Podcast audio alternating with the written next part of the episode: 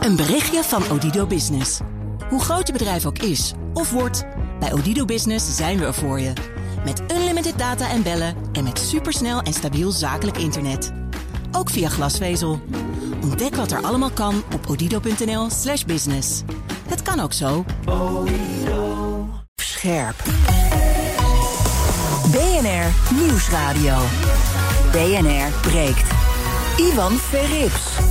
Goedemorgen en welkom. Vanaf half twaalf praat ik over het nieuws van de dag. Pieter Lakenman die start een groepsclaim tegen Shell... vanwege de aardbevingsschade in Groningen. Dat kan een duur geintje gaan worden. Ouderen en jongeren die zijn de dupe bij de ingrepen... als het gaat om de eigen woning en de belasting daarvan. En excuses van Boris Johnson voor een video over een kerstfeest... dat vorig jaar op 10 Downing Street zou hebben plaatsgevonden. Althans, volgens Johnson heeft dat feest er nooit plaatsgevonden... maar hij biedt wel excuses aan voor een videootje. Hm, nou ja, hoe dat zit gaan we zo meteen ontrafelen. In mijn panel vandaag Daphne Lodder, voorzitter van de JOV de VVD-jongeren. Goedemorgen. Hoi, goedemorgen. En Joris Hetterscheid, voorzitter van de Jonge Democraten. Dat zijn de D66-jongeren. Goedemorgen. Goedemorgen. We beginnen met... BNR breekt. Breekijzer. En dat breekijzer heeft te maken met Schiphol. Paniek in politiek Den Haag. Er zijn ingrijpende maatregelen nodig als Schiphol aan een natuurvergunning wil komen. De luchthaven voldoet niet aan stikstofregels en regels op het gebied van geluid en overlast. Dat zou allemaal blijken uit een inmiddels niet meer zo vertrouwelijk juridisch advies aan het demissionair kabinet, waar de NOS gisteren over berichtte. Schiphol moet het aantal vluchten verminderen en als ze dat niet doen, dan moet er worden ingegrepen in de omgeving. Bijvoorbeeld ja, boerenbedrijven opkopen en laten stoppen. Het verlagen van de maximumsnelheid in de omgeving op de A4, A5 en A9. Het harder aanpakken van andere bedrijven in de buurt. Schiphol wordt gezien als ja, belangrijk voor de werkgelegenheid, belangrijk voor de economie en voor het vestigingsklimaat essentieel. En bij een inperking daarop gaan we inleveren. Moeten we dat willen? Vandaar ons breekijzer vandaag. Schiphol is zo belangrijk voor Nederland. Inperken is geen optie. Wat vind jij? Moet er volop gevlogen kunnen worden? Of zeg je, nee, Schiphol is niet eh, verheven boven andere bedrijven. Superleuk dat het de nationale trots is, maar als het niet voldoet... dan moeten ze gewoon keihard inleveren. Wil je meepraten? Pak dan je telefoon en bel naar 020 468 4x0. 020 468 4x0. En wil je niet bellen, maar wel stemmen... doe het dan via de stories van BNR Nieuwsradio op Instagram... aan het einde van het half uur krijg je een tussenstandje van me. Zometeen hoor je wat mijn panel ervan vindt. Ik begin even met Iteke de Jong, luchtvaartjournalist bij De Telegraaf. Goedemorgen, Iteke.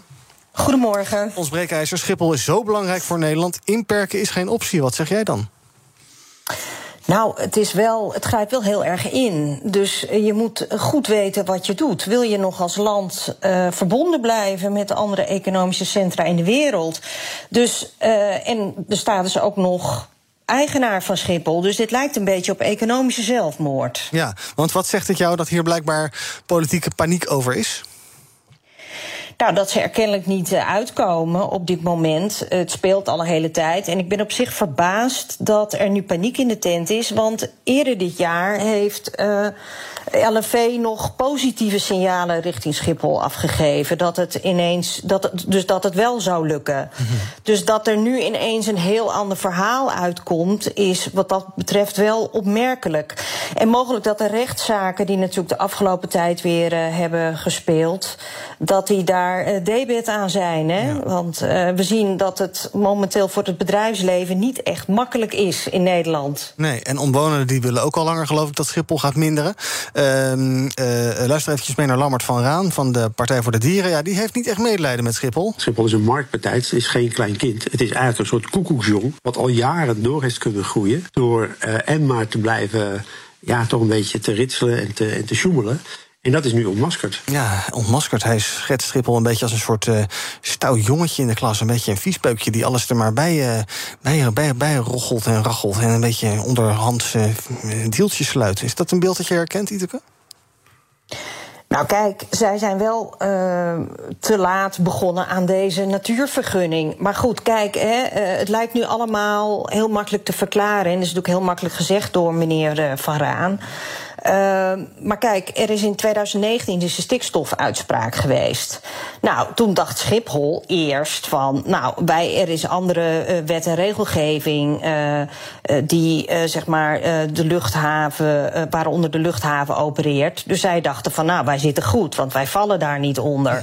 En toen kwamen ze vorig jaar achter dat ze er wel onder vielen. En toen moesten ze als een haas die natuurvergunning gaan aanvragen. Ja, ja dat had Schiphol natuurlijk wel, hè, als ze slim waren geweest, hadden ze ze dat eerder, hadden ze dat meteen in 2019 ehm, geregeld. Maar je ziet nu toch ook wel dat het heel erg gepolitiseerd wordt. Hè? Uh, de Partij voor de Dieren is heel erg anti-luchtvaart.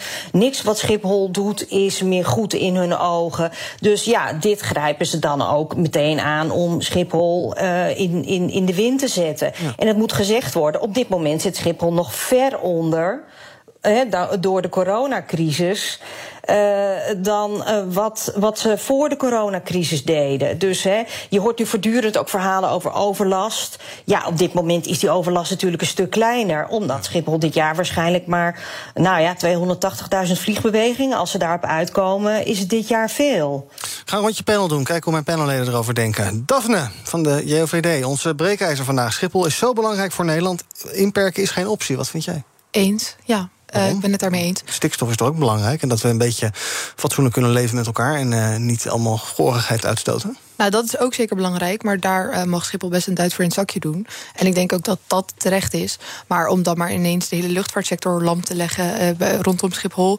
lijkt mij inderdaad een veel te drastische maatregel. En niet iets waar we de Nederlandse economie bij helpen. Um, betekent nog steeds dat we natuurlijk iets moeten doen aan die stikstofproblematiek.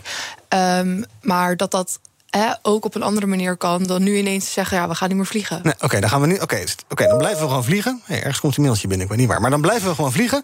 Um, maar dan gaan we wel 80 rijden op de A4, de A5 en de A9. Is dat dan een goed compromis? Is de JOVD'er daar blij mee? Uh, een JOVD'er en een VVD'er denk ik niet. Oh. Um, maar uh, we kunnen inderdaad gaan kijken naar uh, in de buurt het, het, opkopen van boerenbedrijven. Ja. dat we daar iets mee kunnen, wat toch al misschien gedaan zou moeten worden.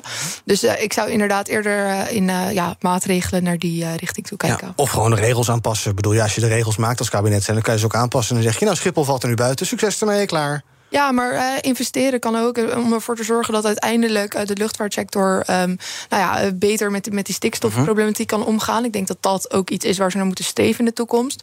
Maar om daardoor nu, maar door die uitspraak ook ineens, hè, en Schiphol die nu dus toch wel verantwoording hierin draagt, um, gaan zeggen: ja, dan gaan we niet meer vliegen. Dat is gewoon veel te drastisch en dat werkt ook niet. Jij zegt niet overhaast handelen. Ik ga kijken naar Joris Hetterscheid van de Jonge Democraten. Wat vind jij? inperken is geen optie. Uh, ja, ik ben tegen de stelling. Uh, ja, ik vind dat iedereen moet iets doen uh, tegen klimaatverandering. Burgers moeten doen, maar ook bedrijven. Dus ook Schiphol. we moeten eigenlijk af van die uitzonderingspositie van Schiphol. Want dat is net zo goed een bedrijf. Het is niet zo dat je de hele luchtvaart platlegt. Ze, moet, ze gaan gewoon wat minder vliegen.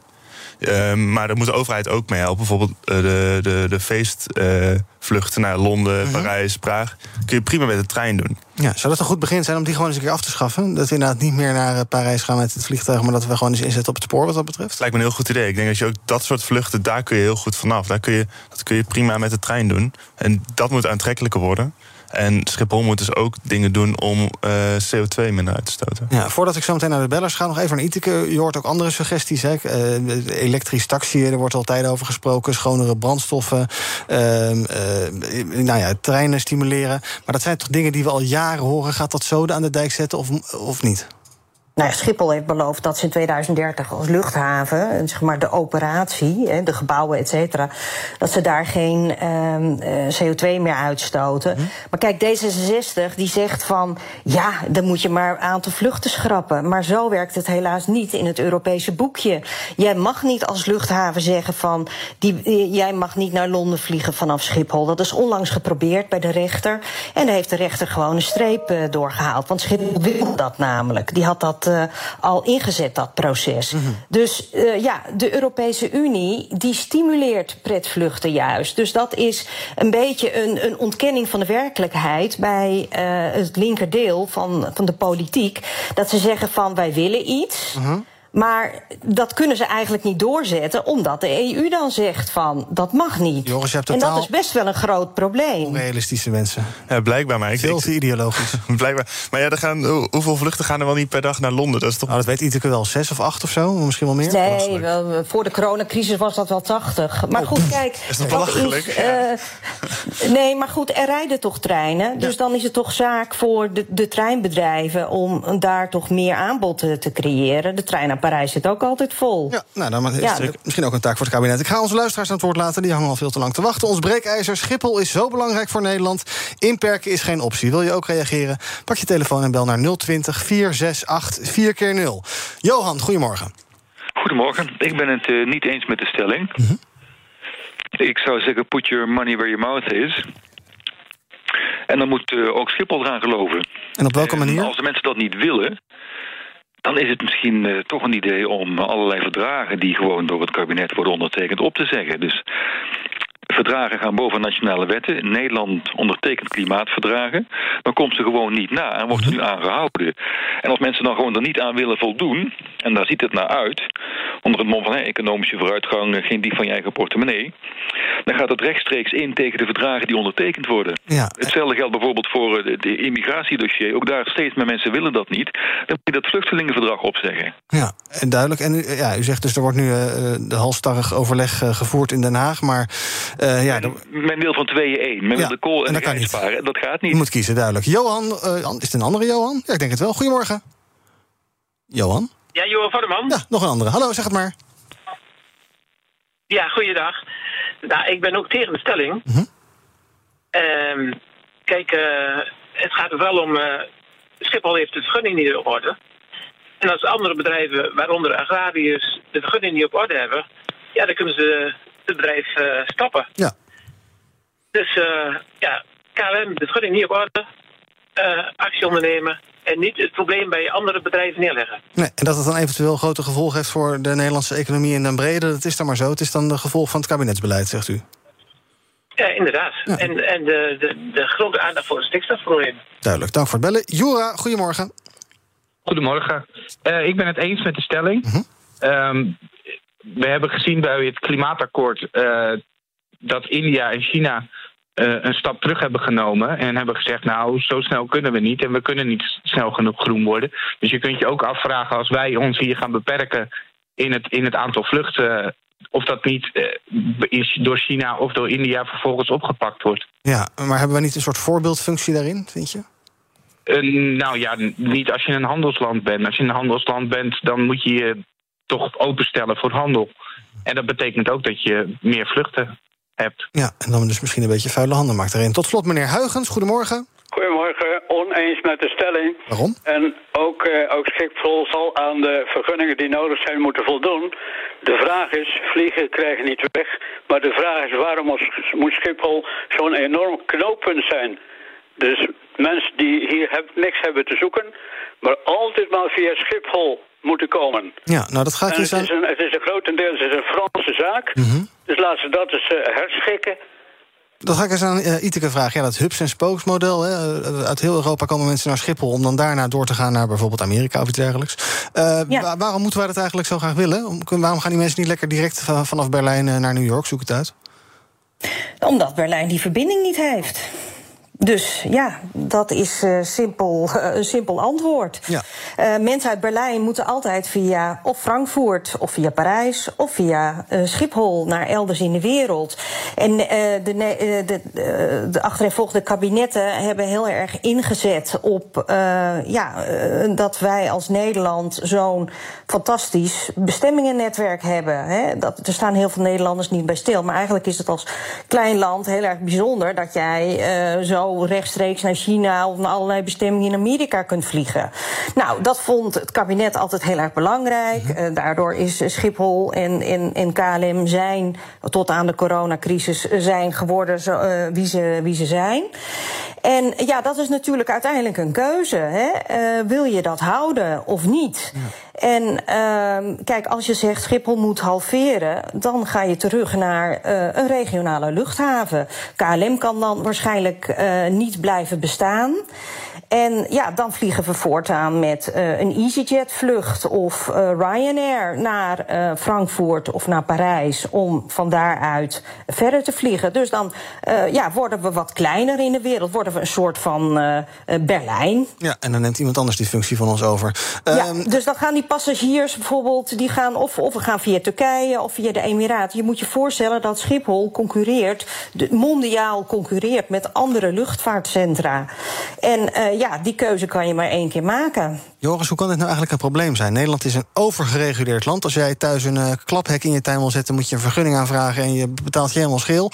Maar Schiphol kan al jaren zonder een natuurvergunning. Wat is dit voor? Hoe, hoe komt dat? Hoe, hoe, kan dat? Dat is denk ik gewoon het VVD in het kabinet. Die hebben altijd die uitzondering gemaakt. Voor het, het kabinet heeft het met z'n allen gedaan. En de VVD heeft de afgelopen tien jaar in het kabinet gezeten. Maar uh, die hebben altijd uitzondering gemaakt uh, voor de Schiphol. En elke keer gezegd van nou, dit is, dit is prima, dit, doe maar, we zien het door de vingers. -hmm. ja, en nu moeten ze gewoon een vergunning aanvragen en die gaan ze niet krijgen. Het is gewoon een VVD-luchthaven, Daphne. Ja, ten behoeve van de werkgelegenheid. Misschien moeten we het later ooit zo noemen als Mark Rutte opstaat voor Mark Rutte Airport. nee. Oh. nee, dit is natuurlijk ten behoeve van de werkgelegenheid en de economische groei in Nederland. Dus hartstikke belangrijk uh, dat Schiphol blijft bestaan. En ik hoor ook een soort van een misverstand hier onder alle bellers en iedereen die zeggen van ja, Schiphol doet niks, wil niks, uh, wil niet betalen. Nee, Schiphol moet wel betalen, maar dat betekent niet dat we daardoor ineens de hele, uh, alle luchtvaart daar stil moeten leggen. Ze mogen prima een duit in het zakje doen, maar doe dat door te, te innoveren en te investeren in dus die duurzame alternatieven die uiteindelijk de stikstof omlaag kunnen brengen. Maar om dan nu een soort van korte termijn ineens met, met blinde paniek te zeggen: nee, we schrappen alles. Maar dat lijkt me een slecht idee. De werkgelegenheid is ook belangrijk, maar er is gewoon te lang alleen maar gedacht aan de werkgelegenheid en te weinig aan klimaat. En nu is het opeens van: oh shit, we hebben opeens een klimaatprobleem. Terwijl dat hadden ze al lang aan kunnen zien komen dat ze daar, uh, dat ze daar rekening mee moesten houden. Stikstofuitstoot is een biodiversiteitsprobleem. En uh, er zijn weer andere zaken die je kunt doen om, om de klimaatproblematiek te ondervangen. En dan komen we zo meteen ook. Klopt, maar die moeten we ook doen. Nog. We moeten alles, uh, en dat gaat goed op dit moment. Dus, we moeten alles inzetten, dus ook, ook minder vluchten. Ik denk dat al, al nou, wat wel, Je hebt daar wel heel gelijk in. En we moeten minder gaan vliegen. Dat ben ik erg met je eens. Maar dat doen we niet door te zeggen... je mag niet meer vliegen. Nee, dat doe je door middel van de markt ervoor te zorgen... dat er uh, onwijs veel aanbod komt van uh, nieuwe treinen... en nieuwe verbindingen daarbij. Want ik zat laatst te zoeken. Ik wilde naar Londen gaan met de trein. Ja, kost me 130 euro. Voor de helft vlieg ik. En nu kan ik als, als bewuste consument een keuze maken... om duurder te gaan met de trein... Maar de gemiddelde Nederlander gaat dat gewoon niet doen.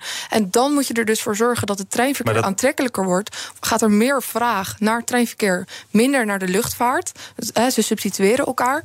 En dan zorg je ervoor dat er minder gevlogen gaat worden. Maar dat, dat, is het beste alternatief. Maar dat zeggen we natuurlijk al jaren. Dus ik denk ook dat er uh, meer regie nodig is vanuit de overheid... om die, uh, die treinen goedkoper te maken en de vluchten duurder. Bijvoorbeeld de belasting op kerosine is ook belachelijk dat dat er nog steeds niet is. Uh, ik denk dat je dat, dat moet doen en dat echt actief moet doen. En dan, ik denk dat het nu ook gewoon nodig is om te zeggen van... je moet gewoon minder gaan vliegen. Hey Daphne, bekenniskleur, wat heb je, heb je gedaan uiteindelijk? Ben je met het vliegtuig geweest of met de trein? Ik ga voorlopig nog niet naar Londen, dus ik heb nog niet gekozen. En als je gaat? Als het, als het inderdaad twee keer zo duur is om met de trein te gaan? Um, nou, het ligt er een beetje aan waar ik aankom met de trein. Want het is ook zo dat natuurlijk tijdsefficiëntie-wise... je um, of midden in de stad al kan aankomen op King's Cross... of dat je vanaf Heathrow nog echt super ver uh, de stad in moet. Oh, weer een boze luisteraar die mailt naar. Iteke, kan, uh, kan Lelystad nog enige uh, verlichting bieden? Want we hebben daar een luchthaven die dicht is... waar niet zoveel mee gebeurt, waar allemaal mensen aan het werk zijn... maar nou ja, die zijn eigenlijk aan het wachten tot die tent er open gaat. of, of is dat dan gewoon het verplaatsen van het probleem en helpt dat niks? Nou ja, Lelystad moet ook nog een natuurvergunning krijgen. Dus daar speelt eigenlijk dezelfde discussie. En uh, ik wil trouwens nog even een misverstand wegnemen. Want uh, uh, de jonge democraten beweren dat Schiphol maar wat doet. Maar Schiphol is natuurlijk gebonden aan allerlei wet en regelgeving. Er zijn afspraken met de omgeving over overlast en hinder. Dus het is helemaal niet zo dat, dat Schiphol uh, in die zin maar doet wat het wil. En over de treinen zou ik nog willen zeggen van ja, treinen, dat is nou één keer duurdere infrastructuur dan een vliegtuig. En is dat nu de schuld van het vliegtuig? Dat zij nu één keer efficiënter en sneller zijn. Dus daar, daar gaat de vergelijking uh, vaak ook uh, mank. Ja. Dit onderwerp wordt morgen in de ministerraad besproken. Er zijn ook berichten over dat het toch al een hele complexe zaak zou zijn. Wordt dit sowieso een soort juridisch spel, denk jij, Iteke? Is Johan Vollebroek van, van de MOB, Mobilization for the Environment... staat hij al klaar met zijn documenten bij de rechtbank, denk je?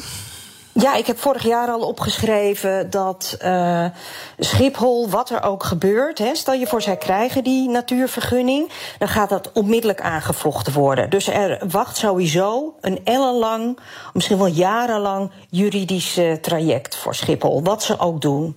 Dus uh, in die zin, ja, is dat niet verrassend nee. voor mij. Tot slot, we krijgen binnenkort, als het een beetje mee zit, een nieuw kabinet. nog even kort bij mijn panelleden, wat zou daar, Joris, wat jou betreft in een regeerakkoord moeten staan als het gaat om Schiphol en de toekomst daarvan?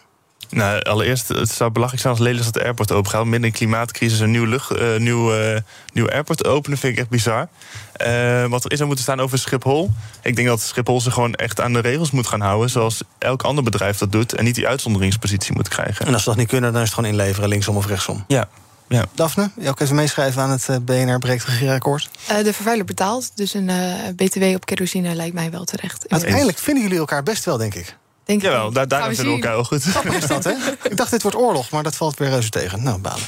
Dankjewel, Iteke de Jonge, luchtvaartjournalist bij de Telegraaf. En uh, alle boze mailtjes over BNR Breekt mag je naar me doorsturen. Dan uh, beantwoord ik die met veel gescheld weer terug.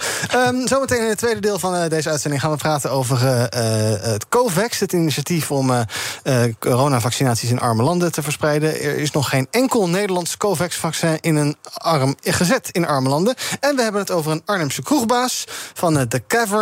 Die gaat zijn kroeg openen om vijf uur s ochtends voor een afterparty. Want dat mag. Je moet dicht zijn tussen vijf uur s middags en vijf uur s ochtends. Dus dan gaat hij om vijf uur s ochtends open. Is dat nou gewoon een hele slimme ondernemer?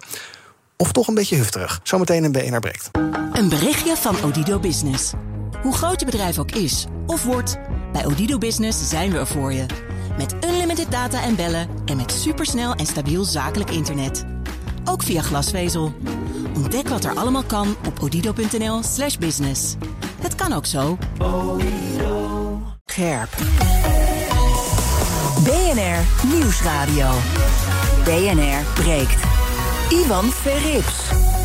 Met in mijn panel vandaag Joris Hetterscheid van de Jonge Democraten... en Daphne Lodder van de JOVD. We gaan praten over het nieuws van de dag. Te beginnen in Groningen, want daar gaat het weer eens over. Pieter Lakenman die laat van zich horen, directeur van de Stichting Onderzoek Bedrijfsinformatie. Hij gaat een uh, zogeheten groepsclaim ja, opzetten tegen Shell en de NAM... de Nederlandse aardoliemaatschappij. Um, wil je daar aan meedoen, dan moet je wel boer zijn... en een boerenbedrijf hebben en daarmee schade hebben opgelopen door aardbevingen. Anders ben je bij Lakenman aan het verkeerde adres. Journalist Vasco van der Boon van het Financiële Dagblad... die weet wel waarom hij dat doet. Ze hebben meer uh, onroerend goed, waardoor ze meer aardbevingsschade hebben. Ja, veel schade dus, oké. Okay. Maar ja, de gewone man en vrouw die in Groningen woont... waarom mogen die dan niet meedoen? Om het beheersbaar te houden. Uh, anders heeft hij natuurlijk zometeen uh, tienduizenden Groningers aan de deur staan. Ja, die boeren die hebben vaak een schade ergens tussen de anderhalf en 2 miljoen. Soms ook wel oplopend tot 5 miljoen. Dat is lekker behapbaar, grote bedragen. Maar dat kan dan dus wel een miljoenenclaim gaan worden. Um, ja, dit is een soort never-ending dossier, Joris. Uh, goed idee dat uh, boeren zich verenigen met behulp van meneer uh, Lakenman om Shell leeg te trekken. Ja, het lijkt me uh, op zich goed dat, dat, dat, je het samen doet. Want alleen dan uh, bereik je denk ik niet zoveel, zeker niet tegen een bedrijf als Shell of, of dus de NAM. Uh, mijn inwoners hebben volgens mij zelf ook al, zijn zelf ook al een groep. Dus het lijkt me prima dat je, dat je dit doet. Ik ben, ben heel benieuwd hoe, of het gaat lukken tegen de, tegen de NAM of tegen de Shell. Mm -hmm. ja, maar ze, ze, ze, verdienen gewoon geld. Want zij hebben geboord en daardoor hebben die boeren schade. Ja, maar er zijn dus, toch ook allerlei compensatieregelingen al? Nou, volgens mij duurt dat eeuwen. Ja. Dus niet zo lang als de toeslagenaffaire, maar dit duurt ook heel lang. Ja. Um, de claim is gericht tegen Shell. Um, de NAM was daar aan het boren, maar Shell is dan weer deels eigendom van de NAM. Uh, nee, andersom. De NAM is eigendom van Shell. Um, uh, Daphne, ja, we hebben jarenlang met z'n allen als ons land zijn geprofiteerd ervan dat we dat uh, warme huizen hadden, doordat we Groningen leegtrokken. en nu gaan we de Shell voor de rechter slepen. Is dat sympathiek? Ja, het is ook inderdaad een beetje de vraag wie nu de verantwoordelijkheid draagt. Want uh, Shell en de NAM hebben dus altijd die boringen uitgevoerd. Maar de overheid heeft het natuurlijk altijd al heel lang toegestaan. Dus uh, nu krijg je ook een beetje. Ja, een beetje. Je krijgt heel erg de vraag van nou, wie draagt nou eigenlijk de, de hoofdverantwoordelijkheid hiervoor? Um, ja, in mijn optiek vind ik het ook goed dat ze, dat ze Shell aanpakken. Want die uh, zijn natuurlijk ook mede verantwoordelijk. Maar de overheid betaalt natuurlijk ook schadeclaims. En ik uh, ja, denk ook dat het goed is dat ze daarmee uh, mee doorgaan. Maar ja, Shell vertrekt nu toch, dus trek ze maar leeg. Zo. dat is een grapje. Is maar duidelijk. JOVD haat Shell, ik zie de kop al. Nee. Lakenman die denkt dat de kans op succes heel groot is. Hij baseert zijn vertrouwen op eerdere uitspraken van de Hoge Raad. En daarin ja, zegt het rechtscollege ook dat zowel de staat als de NAM schadeplichtig zijn vanwege aardbeving door gaswinning. Dus eigenlijk is het gewoon kat in het bakkie. Dit gaat Shell honderden miljoenen kosten. Heb jij medelijden met Shell, Joris? Dus, nee. Oh, oh, nee. Niet? nee. Ja. Zij, hebben ook maar, zij hebben ook maar daar in, in opdracht van de staat gehandeld. Wij wilden dat gas hebben. Ja, ik weet niet of ze in de opdracht van de staat hebben gehandeld. Zij willen natuurlijk uh, dat gas, dat verkopen zij natuurlijk.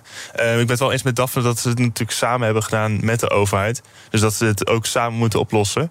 Uh, ik zit niet zo goed in Ik kan me voorstellen dat zij ook voor het boren afspraken hebben gemaakt van wat als. Ehm, en als dat de NAM is, dus de, de Shell, dan, dan moeten ze zich daaraan houden. We gaan het hebben over eh, de woningmarkt. Ouderen en jongeren die zijn de dupe als de plannen doorgaan om huizenbezitters meer te belasten. Dat heeft het Economisch Instituut voor de Bouw berekend. Dus groepen die ertussenin vallen niet, maar vooral de jongeren en vooral de ouderen. Nou, dan beginnen we maar eens bij de jongeren, uh, Daphnes, uh, Daphne. Dat lijkt me niet een heel fijn vooruitzicht. Hè. Het kabinet zou uh, 5 miljard willen gaan ophalen met de afschaffing van de hypotheekrenteaftrek. En daar hebben dan huishoudens tot 45 jaar de meeste last van, want zij hebben dan nog hoge hypotheken. Ja. nou, bedankt. Bedankt ja. voor meer aan de partijen. Leuk. Nee, heeft de jongeren geholpen. Nee, slecht idee inderdaad. Um, die, die hypotheekrenteaftrek die is natuurlijk al he, redelijk omstreden. Maar nu kan hij juist starters op de, op de woningmarkt in ieder geval wat lucht bieden. Um, en ervoor zorgen dat, dat de maandlasten een beetje te, ja, te betalen blijven. Um, wat wel zo is, is dat er natuurlijk... He, je moet belastingtechnisch gaan kijken naar een uitwisseling... He, of het een of het ander. Dus je kan de hypotheekrenteaftrek uh, behouden. Maar dan bijvoorbeeld je huis als vermogen gaan, gaan belasten in, in box 3. Mm -hmm. En dat... Uh, zorgt ervoor dat, hè, dat er weer andere inkomsten komen. En dat is iets waar ik dan wel weer voorstander van zou zijn. Om in ieder geval met die opbrengsten uiteindelijk, en daar komen we dan bij, um, de belasting op werken Um, zeg maar op arbeid dus omlaag te brengen. Ja. Dus dat hè, werken meer loont. En ik denk Mhm. dat we daar uiteindelijk naartoe moeten. En hoe we dat dan qua, qua huizenbezit aanpakken. Want ja, die markt is nu toch eh, een beetje uh, verrot op dit moment, om het zo maar te zeggen. Um, is, is dan even de vraag. Ik ben niet voor dus die, hè, die afschaf van de hypotheekrenteaftrek. Maar het uh, belasten van, van woningen in box 3 zou dan een uitkomst kunnen zijn. Ben jij wel voor het afschaffen van de hypotheekrenteaftrek, Joris? Ja, volgens mij wel. Ja, je weet het niet helemaal? Ja, ik vind het zo ingewikkeld. Dit is het hele belastingstelsel. Dit zegt weer dat het hele belastingstelsel echt één grote brei is van aan elkaar genaaide doeken eigenlijk. Want -hmm. als ik jou hoor praten, dan denk ik, ja, box 3, box 3. Whatever. Ja, wat, wat is box 3? Jij bent economisch onderlegd, ik ben niet enorm economisch onderlegd. Um, voor mij is het één grote brei een hypotheekrente aftrekken. Ik weet dat mijn ouders hebben een huis en die krijgen daar volgens mij geld voor. Um, dus dan denk ik, ja, goed idee. Alleen volgens mij is het ook juist nadelig voor de jongeren, want die. Uh, ik weet niet precies wat het is, maar volgens mij was het nadelig voor de jongeren. Maar dit zegt weer dat ons hele belastingstelsel eigenlijk gewoon moet hervormd worden. Want dit is, dit is eigenlijk niet meer te begrijpen voor de normale de normale man op de straat. Ja, en zou je misschien inderdaad niet moeten denken dat je uh, jongeren uh, stimuleert of zo hè, als ze een huis kopen? Want ja, als je jong bent heb je dan nog niet een enorm salaris doorgaans. Maar dan kan je misschien wel een huis kopen. Later ga je meer verdienen. Dat je later meer gaat betalen. Dat je op die manier iets, iets, ja, iets verlichting in dat stelsel brengt. En ook als je weer ouder bent, als je, je uh, werk weer wegvalt. Nou ja, goed, dat is nu zo. Het is nu zo rigide. Ja, maar ik denk omdat het nu zo rigide is, dat um, die oudere mensen, hè, die nu ook uh, van uh, het verplaatsen van het huis naar box 3 zoveel nadeel ondervinden, dat die juist eigenlijk niet een soort van economisch incentive krijgen um, om te gaan verhuizen. En dat is ook nu het probleem op de woningmarkt, dat heel veel 60, 70-plussers blijven plakken in gezinswoningen, omdat het gewoon prima te betalen is. Ze hebben hun hypotheek afgelost en eigenlijk zitten ze daar wel lekker. Natuurlijk moeten we die mensen die inderdaad het van hun AOW of een kleine pensioen moeten doen, niet direct zwaar gaan belasten. Maar denk ik wel dat het voor hen aantrekkelijker gemaakt moet worden om door te stromen naar kleinere woningen. Zodat er meer ruimte komt op de woningmarkt voor eh, gezinnen. Die dus met z'n vieren in zijn huis kunnen wonen. Mm. In plaats van één of twee oudere uh, mensen. Ja. Dus vandaar dat ik ook denk dat die, um, ja, het, het, belasten van het huis in box 3 nogmaals een goed idee zou zijn. Ja. Joris zegt, en ik weet, Joris is niet achterlijk, maar die zegt: Ik snap er eigenlijk, uh, het is best een ingewikkeld systeem. Inderdaad, ook box 3 moet je best wel even verdiepen in wat het allemaal is. qua inkomen waar je het allemaal kwijt moet met je belastingaangifte. Moet dat simpeler? Um, ja, ik denk zeker dat het simpeler moet. Het kost ook heel veel geld natuurlijk om het zo ingewikkeld te houden uh, en te maken. Dus um, nee, een versimpeling van het belastingstelsel, uh, daar ben ik alleen maar voor. We gaan kijken wat uh, jullie opviel in het nieuws de afgelopen nou, uren, dagen. Daphne, laten we iets positiefs bespreken. De regio's in ons land die hebben genoeg plannen voor wind- en zonneparken om het klimaatakkoord voor 2030 uit te voeren. er wordt dus genoeg opwek gedaan via zonne- en windenergie om de doelstellingen op dat gebied te halen. Nou, ja. geweldig, dan kan de doelstelling omhoog. Uh, nee, ja, inderdaad. Nee, nee, we hebben inderdaad uh, op dit moment genoeg klimaatplannen klaar liggen om 35 terawatt, geloof ik, aan duurzame energie op te wekken. Dus dat is fantastisch. het probleempje waar we alleen dan nog mee te maken krijgen is het stroomnet. Ja. En dat we het niet allemaal kwijt kunnen op dit moment. En hoe kunnen we dat stroomnet nou vergroten? Door middel van het aanleggen van meer net. Mm -hmm. En daar heb je elektriciëns voor nodig die er niet zijn op dit moment. Um, dus daar moeten we ook mee aan de slag. Want uiteindelijk hè, hebben we nu wind- en zonne-energie, uh, waar we heel blij mee zijn. Maar we zijn er nog niet, want we moeten ook naar kernenergie. En kernenergie moet ook uh, nog op dat stroomnet Ja, uiteindelijk zeggen, uh, aangesloten worden. Dus, uh, Nucleair stroomnet aan gaan leggen, ja. ja, precies. Um, dus ja, de, eh, we moeten aan de slag met dat stroomnet om dat te, te, te vergroten, kost wat het kost. Mhm. Om uiteindelijk ook hè, die klimaatplannen die er nu zijn, die de doelstellingen gaan halen, ook werkelijkheid te laten worden. Eerst even over die elektriciens. Um, uh, hoe moeten we stimuleren dat meer mensen een opleiding daartoe gaan doen? Heb je jezelf bereid om om te scholen? Laat je het interessant of zeg je nou, ik ben meer een uh, bureau iemand? Ja, ik ben meer een denker dan, dan een doener, helaas. Maar uh, ik denk het, aantrekkelijker maken op, op MAVO's bijvoorbeeld, dat, dat men die opleiding gaat volgen.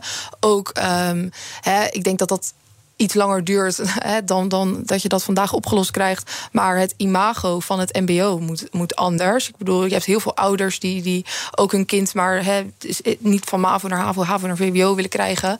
Um, maar dat ook het, um, het MBO gewoon weer populair wordt. En dat je daar ook een hele degelijke opleiding kunt volgen. Ja. Uh, tot, uh, tot bijvoorbeeld elektricien. Ja, dus een herwaardering van dat soort beroepen en opleidingen ook. Uh, Joris, um, kernenergie, goed idee om dat er ook bij te doen?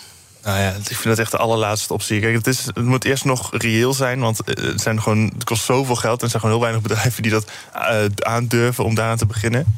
Um, en echt alleen als het echt aantoonbaar is... en als het, echt, als het de rest allemaal niet werkt... dan zeg ik, nou dan kun je kernenergie doen. -hmm. Maar liever niet. Nee. Um, we zijn het al, het gaat dus uh, makkelijk lukken met die, uh, met die zonne- en windenergie. Uh, 35 terawatt wordt gehaald, terawattuur. Het kan, kan zelfs wel tot 48 oplopen, geloof ik. Dus dan kunnen we inderdaad ambities gaan verhogen op dat gebied. Of zeg je van nou. Eens, ja. ja? Heel, ik vind het heel mooi nieuws. Ik, vind, ben heel blij dat, dat de regio's wel heel erg vooruitstrevend zijn op klimaat. Mhm. Mm -hmm. nu de regering nog. Ze zijn nu aan het onderhandelen. Dus ik hoop dat daar wat ambitieuzer beleid uit voor ja, is nu een doelstelling 49 procent, dat is dan CO2-reductie veel te weinig. Waar, dat moet naar 55? Ja, minimaal 60. 60? Ja. Zo, ambitieus. 60. En dan het liefst 100. Het, is, oh ja, en het liefst ook morgen waarschijnlijk dan. Ja, 2030. Oh ja. Maar uh, nou, 60% in 2030, dat vind ik een heel mooi, een heel mooi doel. Nou, ik ben benieuwd. Ik geloof dat het meest ambitieuze wat nu genoemd wordt is 55, hè, Europese Commissie. Ja, dat is inderdaad een Europese afspraak. Ja. Um, Moeten we daarheen? Is dat goed om aan te sluiten erbij? Nou, Nederland heeft natuurlijk geroepen dat we koploper willen worden. Ja. Dus uh, ja, um, daad bij het woord voegen. BNR breekt. Met Thomas van Zel van BNR Zaken doen. Zometeen om 12 uur is er een nieuwe uitzending. Waar ga je over praten en met wie?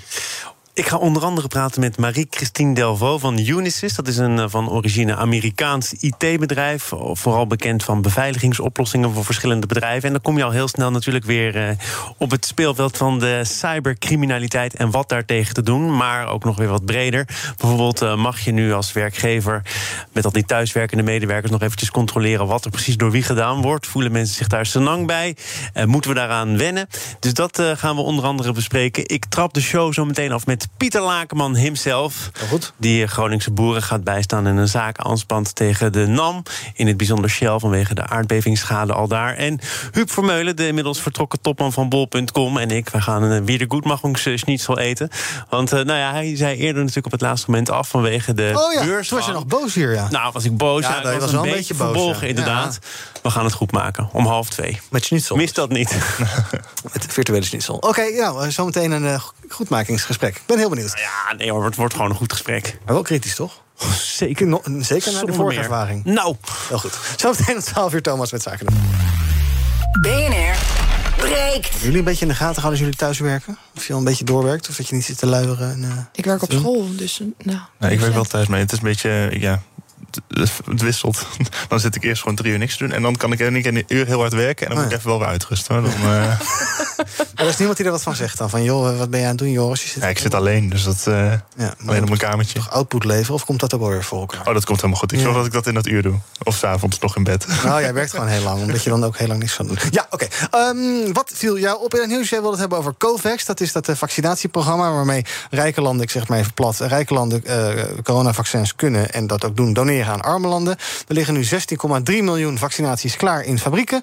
Maar tot nu toe is er nog geen enkel Nederlands vaccin in arme landen in bovenarme gezet. En het is ook maar de vraag of dat dit jaar nog gaat lukken. Dus we hebben wel wat gedoneerd. Nog helemaal niet zoveel als onze doelstelling was. Maar eh, dat ligt nu gewoon ergens te wachten. Ja, het ligt gewoon opgeslagen. Het doel was 22 miljoen. Ze hebben nu 16 miljoen. Nee, het doel was 20 22 miljoen. 16 miljoen hebben ze op de plank liggen. Ehm, en er is nog geen één in de arm eh, gegaan in bijvoorbeeld Afrika. En dat is gewoon zorgelijk. Want daar komen nu, er zijn heel veel besmettingen, daar komen die varianten vandaan. Ik denk dat we juist de COVAX-campagne veel breder in, kunnen, breder in kunnen zetten. Hoe Duitsland, kan dat? Hoe kan het dat dat niet gebeurt? Ik denk dat eh, we, we doneren wel vaccins, maar alle infrastructuur eromheen, die is er nog niet. En ik denk dat daar ook heel veel moet gebeuren. Dat je dat COVAX-programma uit moet breiden naar niet alleen vaccins, maar ook alles eromheen. Mensen, eh, de koelingen, vriezers, eh, spuiten. Mhm. Die moeten ze ook allemaal krijgen. En die infrastructuur ligt er nu niet. Dus Ik denk dat het daar het probleem zit. En ik denk ook dat we daar Europees ook veel beter samen moeten werken. En ook die ambities voor de COVAX verhogen. Dat we zo snel mogelijk alle derde wereldlanden kunnen vaccineren. Ja, maar in Europa zijn toch alle landen vooral bezig met hun eigen toko. En hoe, en hoe je zelf die Omicron-variant een beetje onder de duim houdt. En eh, ja, dat COVAX dat is waarschijnlijk een soort hobbyprojectje voor een ambtenaar ergens op een ministerie. Dat maar... is korte termijn natuurlijk. Dat is, Mhm. nu zitten we met die Omicron-variant. Maar dat komt door, omdat we dus die vaccins niet eh, hebben Ja. gegeven. Ik snap dat van de zomer moesten we natuurlijk onszelf vaccineren. Maar nu moeten we zo snel mogelijk zoveel mogelijk eh, vaccins naar die derde, naar die derde, derde We gaan kijken wat er eh, trending is op de socials. Ja, nog steeds veel corona. Hashtag prikspijt, hashtag coronapas, hashtag klaar met Rutte. Nog steeds COVID-19, enzovoorts, enzovoorts. Schiphol is trending in de top 10. Dat komt eh, vast niet doordat wij het er net over hebben gehad. En ook trending is hashtag Rembrandt. Gaat allemaal om eh, dat eh, de vaandeldrager van Rembrandt... de Nederlandse staat gaat die kopen. Is nu nog in bezit van de Rothschilds. Gisteren was Alexander Pechtold bij Op 1. Die weet van alles van rijbewijs en penthouses... maar is ook kunstliefhebber. Het zijn ook niet alleen kopers die houden van kunst. En, en dat vind ik wel een zorgelijke ontwikkeling. En daarom ben ik ook heel blij dat dit nu een, een, voor iedereen toegankelijk schilderij wordt. Ja, een toegankelijk schilderij. Het komt naar Nederland als het een beetje mee zit. Maakt eerst een toertje door de provincies... en komt uiteindelijk in het Rijksmuseum te hangen in de Eregalerij. 150 miljoen euro aan eh, subsidiegeld zit daarin. Eh, is dat eh, goed besteed, Daphne?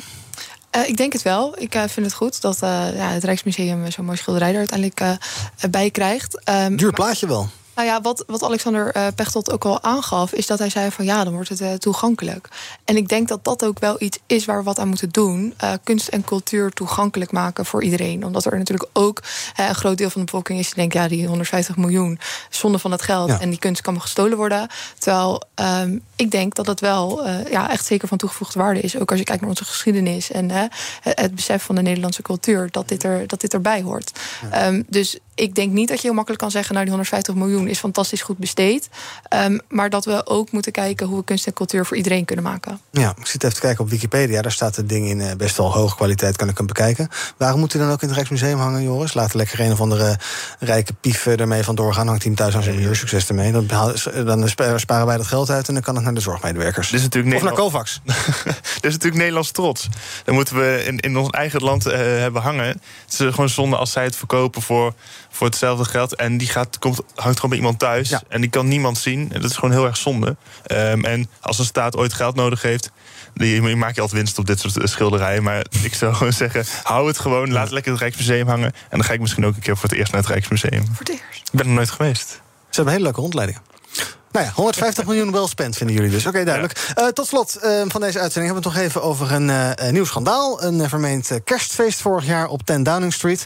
Waarbij onder andere de premier Boris Johnson betrokken zou zijn. Het draait dus om een gelekte video waarin medewerkers van Johnson een illegaal feest lijken te bespreken tijdens een oefening voor een persconferentie. De toenmalige woordvoerder van de premier kreeg van een collega de vraag. Hè, ze speelde zo'n persconferentie na. Of zij nou bekend is met de berichten over een kerstfeest. En of de premier zoiets zou goedkeuren. Toen moest ze lachen en zei ze dit. Fictional party was a business meeting. and it was not socially distanced. Ja, een beetje ongemakkelijk. Feesten waren toen niet toegestaan vanwege de strenge coronamaatregelen die in Engeland golden. En de Britse media gaan er helemaal los op de krant, ook deze ochtend. We hebben in Nederland ook allerlei voorbeelden gehad. We hebben natuurlijk eh, minister Grapperhaus gedacht. Die, eh, ging, eh, gehad, die ging trouwen in coronatijd. En daar ook wel de regels aan zijn laars lapte. We hebben een wethouder gehad in Graven. Die aan het barbecuen was thuis met te veel mensen. En- en toen werd hij betrapt door, door, door handhavers. Wat is dat toch, Joris? Dat ja, premiers en hoge politici en ministers. en dat die hun eigen regels aan de laars lappen. Dat is belachelijk. Ik weet niet wat, wat, zij denken. Ik vind het heel, heel raar dat je denkt dat jij het wel mag. Dus je, je verplicht heel Nederland op links te gaan rijden. Gaat zelfs rechts rijden. Ja. Dat, ja, dat is bizar. Is dat een soort eh, corrumperend uh, wat, wat macht met je doet of zo?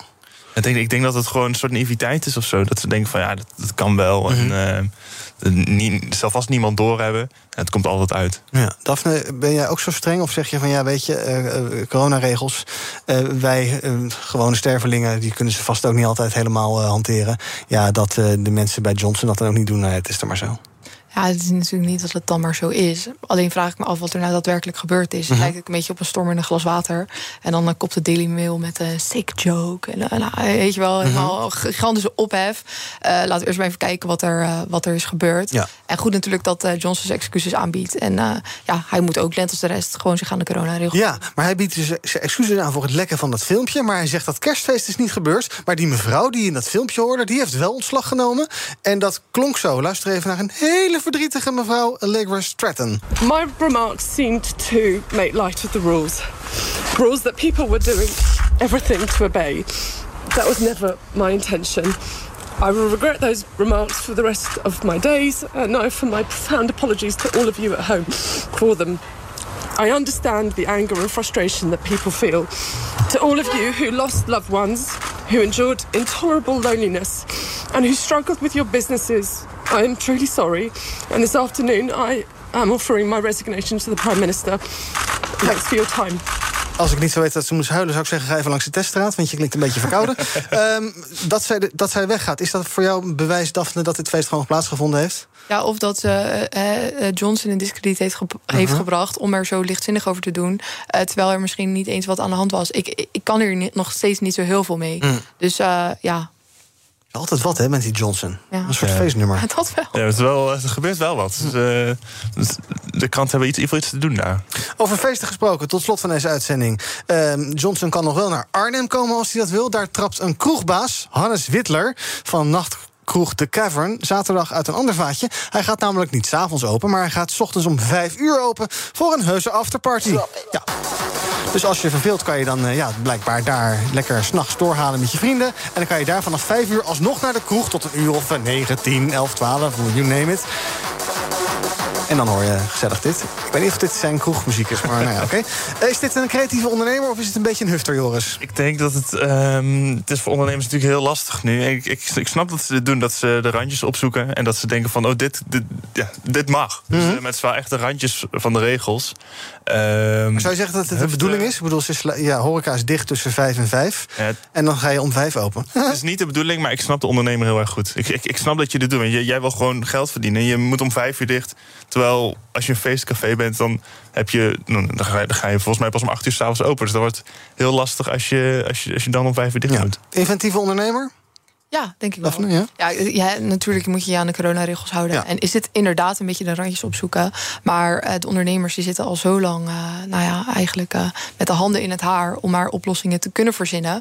En dan denk ik dat dit wel, nou ja, in ieder geval een ludieke oplossing is voor nu. En ik, nou ja, ben wel benieuwd om bacon en eggs met een biertje ernaast ja. om vijf uur ochtends te gaan eten in Arnhem. Komt opeens Boris Johnson binnen. Tot zover BNR Breekt voor vandaag. Dank voor jullie aanwezigheid, Daphne Lodder van de JVD... en Joris Hetterscheid yes, van de Jonge Democraten. Morgen ben ik er niet, maar is Dina van de Dunger er wel. Hoor je ook de column van Toon Gerbrands. En tot die tijd kun je ons volgen via de socials, YouTube, Instagram, Twitter enzovoort. En zometeen is hier Thomas van Zel met Zaken doen. Tot morgen! Een berichtje van Odido Business. Hoe groot je bedrijf ook is of wordt... bij Odido Business zijn we er voor je. Met unlimited data en bellen en met supersnel en stabiel zakelijk internet. Ook via glasvezel. Ontdek wat er allemaal kan op odido.nl/business. Het kan ook zo.